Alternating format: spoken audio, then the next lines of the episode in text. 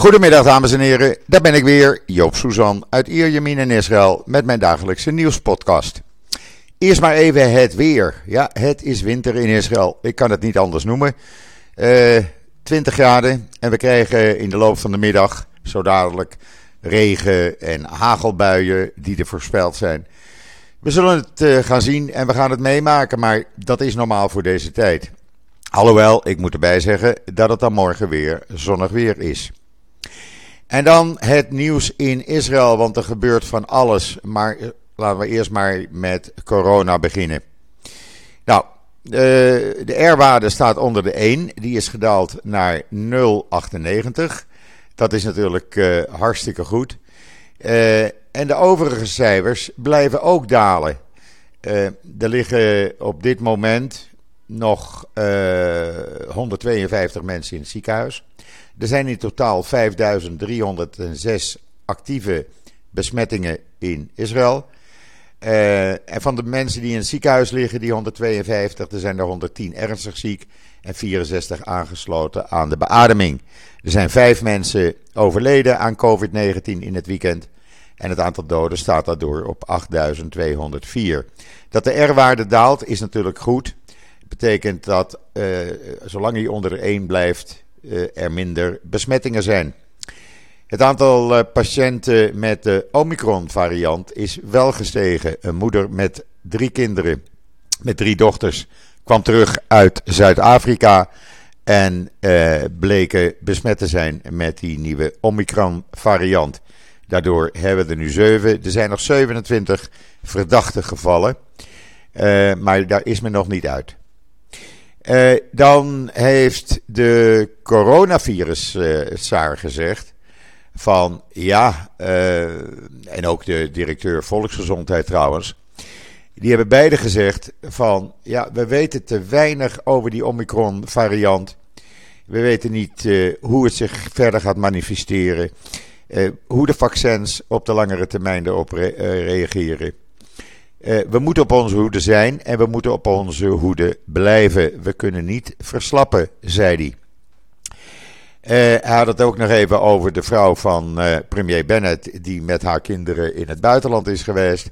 En zegt: Ja, van gekozen functionarissen mag je verwachten dat ze een voorbeeld geven. Maar als het om familieleden gaat, ligt dat wat complexer, is dat wat moeilijker.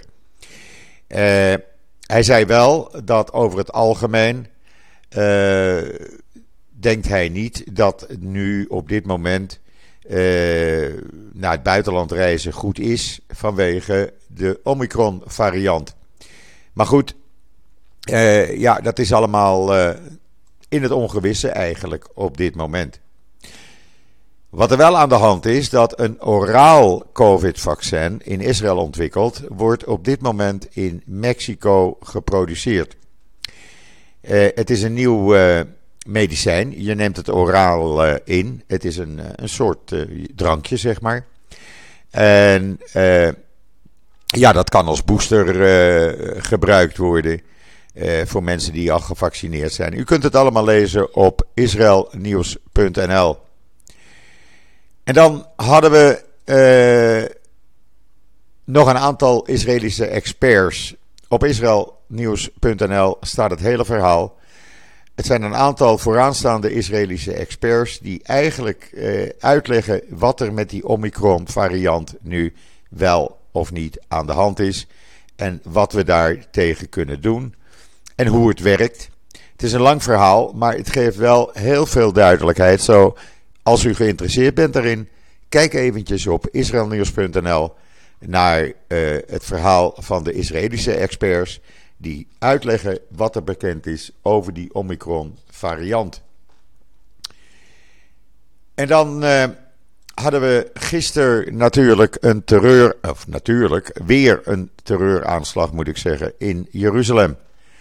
En daar is nogal wat om te doen, want op de video's die circuleren, uh, kan je zien dat de terrorist gewond op de grond ligt na te zijn neergeschoten.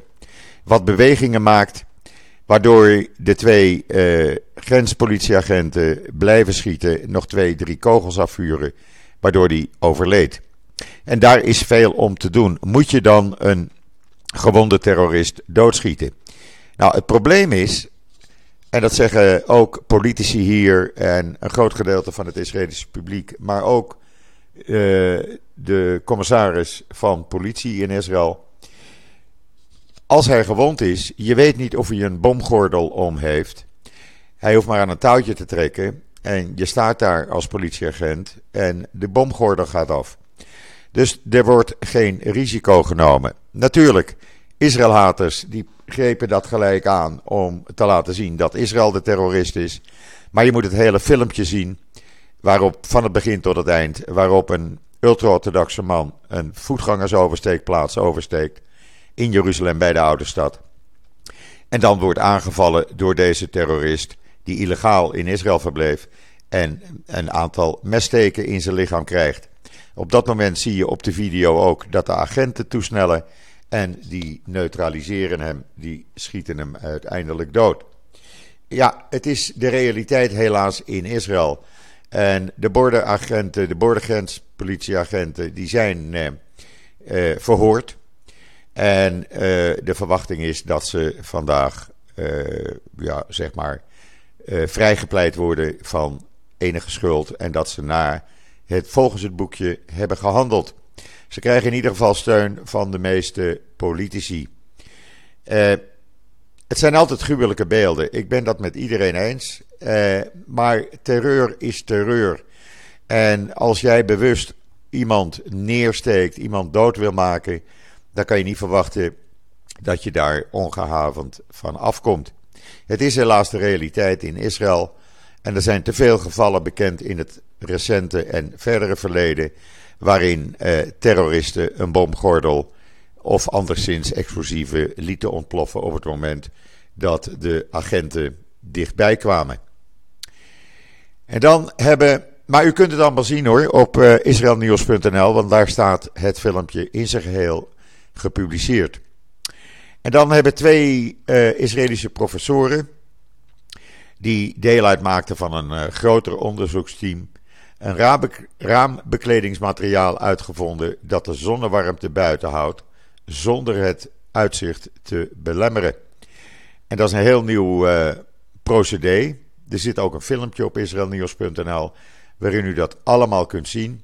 En het is 30% effectiever in het reguleren van warmte dan bestaande uh, elektrochrome ramen die getint zijn om het binnenkomende licht te verminderen. Uh, ja, dat zal binnenkort dan algemeen gebruikt gaan worden, moet je maar denken.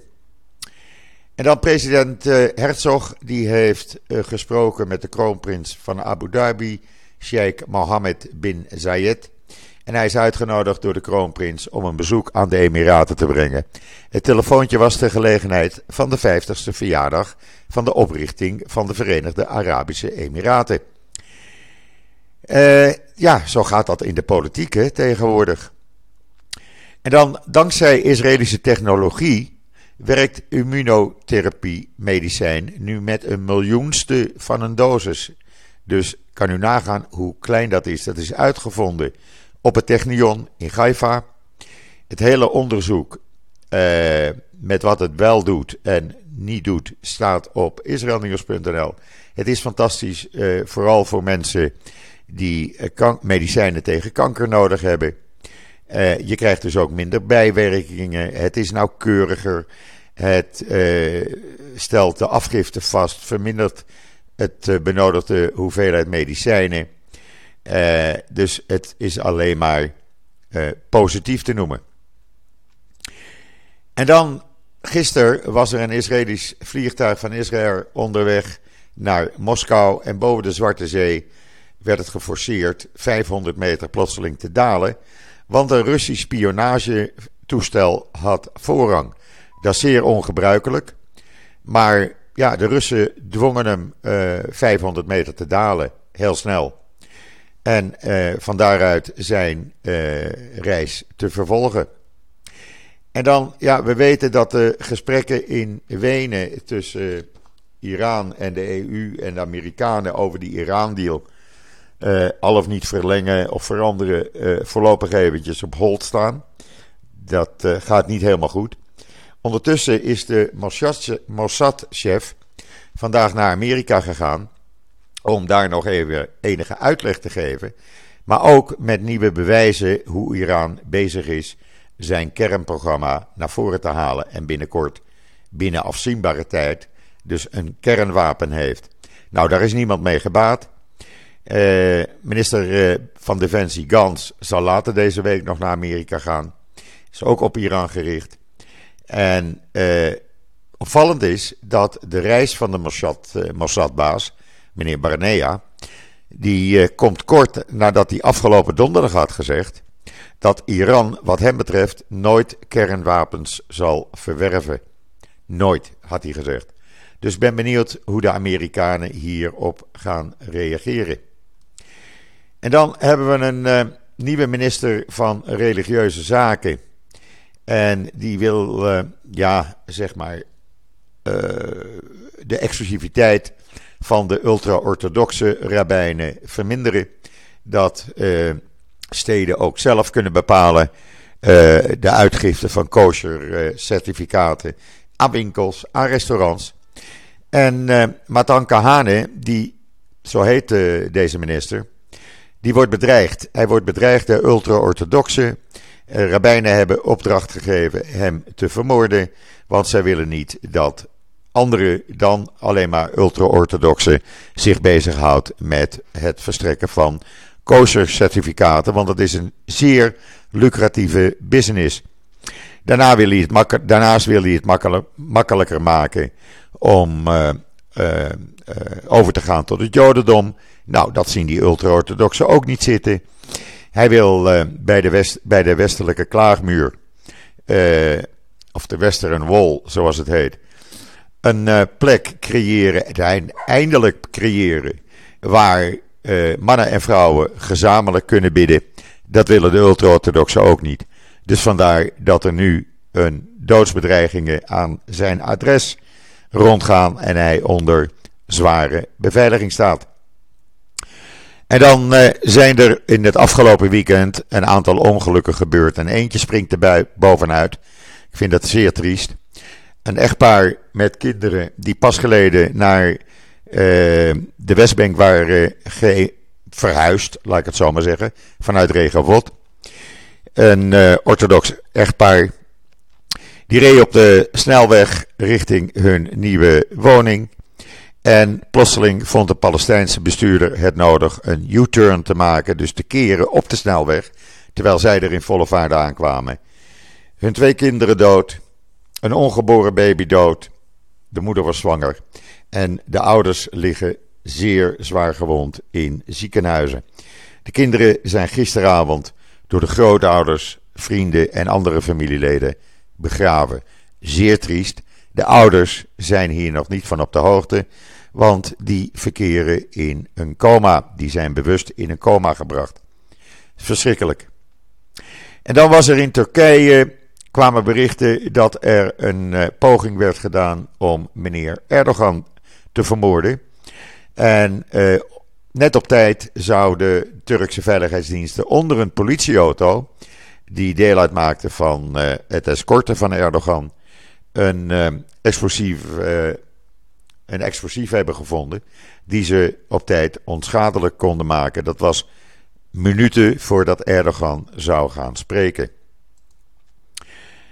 En dan, uh, ja, kerstmis komt eraan. En dat betekent uh, in Bethlehem natuurlijk feest. Nou, dat feest zit er even niet aan te komen. Want uh, anti, ja, laten we zeggen, demonstranten tegen de Palestijnse leiders die versteren het feest. En er zijn demonstraties elke avond. Er raken mensen gewond. Voorlopig kan je niet zeggen dat er in Bethlehem feest is.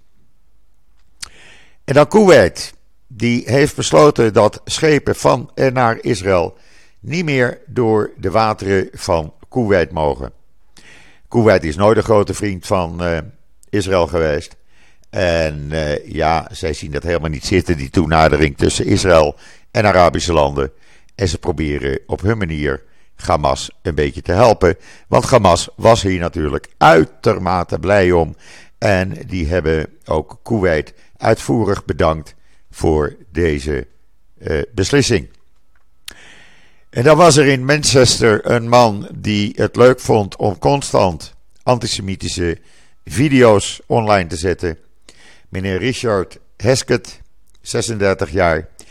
Hij is gearresteerd, hij is veroordeeld en hij kan voorlopig vier jaar lang video's bekijken vanuit een cel. Trouwens, zijn video's werden bekeken door meer dan 2 miljoen mensen. Dus hij is niet de enige antisemiet, maar dat uh, wisten we natuurlijk al. En dan, ja, ik moet hem nog zien, maar ik heb hem al op mijn lijstje gezet bij Netflix. Uh, de nieuwe video van Carl Gadot, Red Notice. Dat is de hit uh, van Netflix. En het blijkt dat het de grootste hit van Netflix ever is geworden. Uh, het heeft al 328 miljoen uren is het al bekeken. Er is geen enkele film die zo is ontvangen.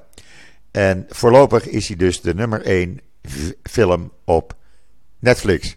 Red Notice met Cal Gadot gaat het zien. En dan eindelijk, eindelijk even een slokje water hoor. Sorry, eindelijk is uh, Ethan Biran, dit jongetje van zes jaar, wat de kabelbaanramp in Italië overleefde, is weer thuis bij zijn tante en oom in Italië. Hij is vrijdag daar naartoe gegaan. Hij is blij, had hij gezegd, dat hij weer terug kon naar de plaats waar hij is opgegroeid.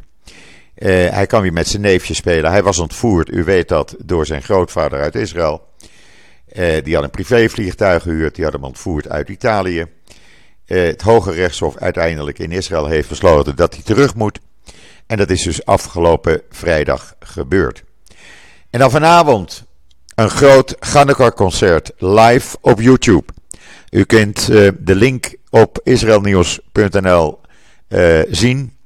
Het is een fantastisch Ganekar-concert live uit het concertgebouw. Het wordt vanmiddag opgenomen vanwege de restricties in Nederland. En het wordt heel bijzonder. En bijzonder is daar dat daar een metershoge, uh, ja, soort liberatie-achtige uh, menorah staat. Uh, die is speciaal gemaakt.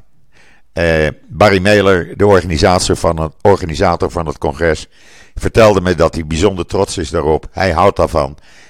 Ik heb de foto's gezien. U kunt de foto's ook zien op israelnieuws.nl. Gaat dat zien. het is een bijzonder concert. Alleen, ik heb een probleem. Want om half acht Israëlische tijd, of om half acht Nederlandse tijd, eh, half zeven Nederlandse tijd, begint het Formule 1 circus. We hebben gisteravond natuurlijk gezien dat Max Verstappen in de laatste bocht tegen de muur knalde, waardoor hij zijn pole position verloor. Nu op de derde plaats staat.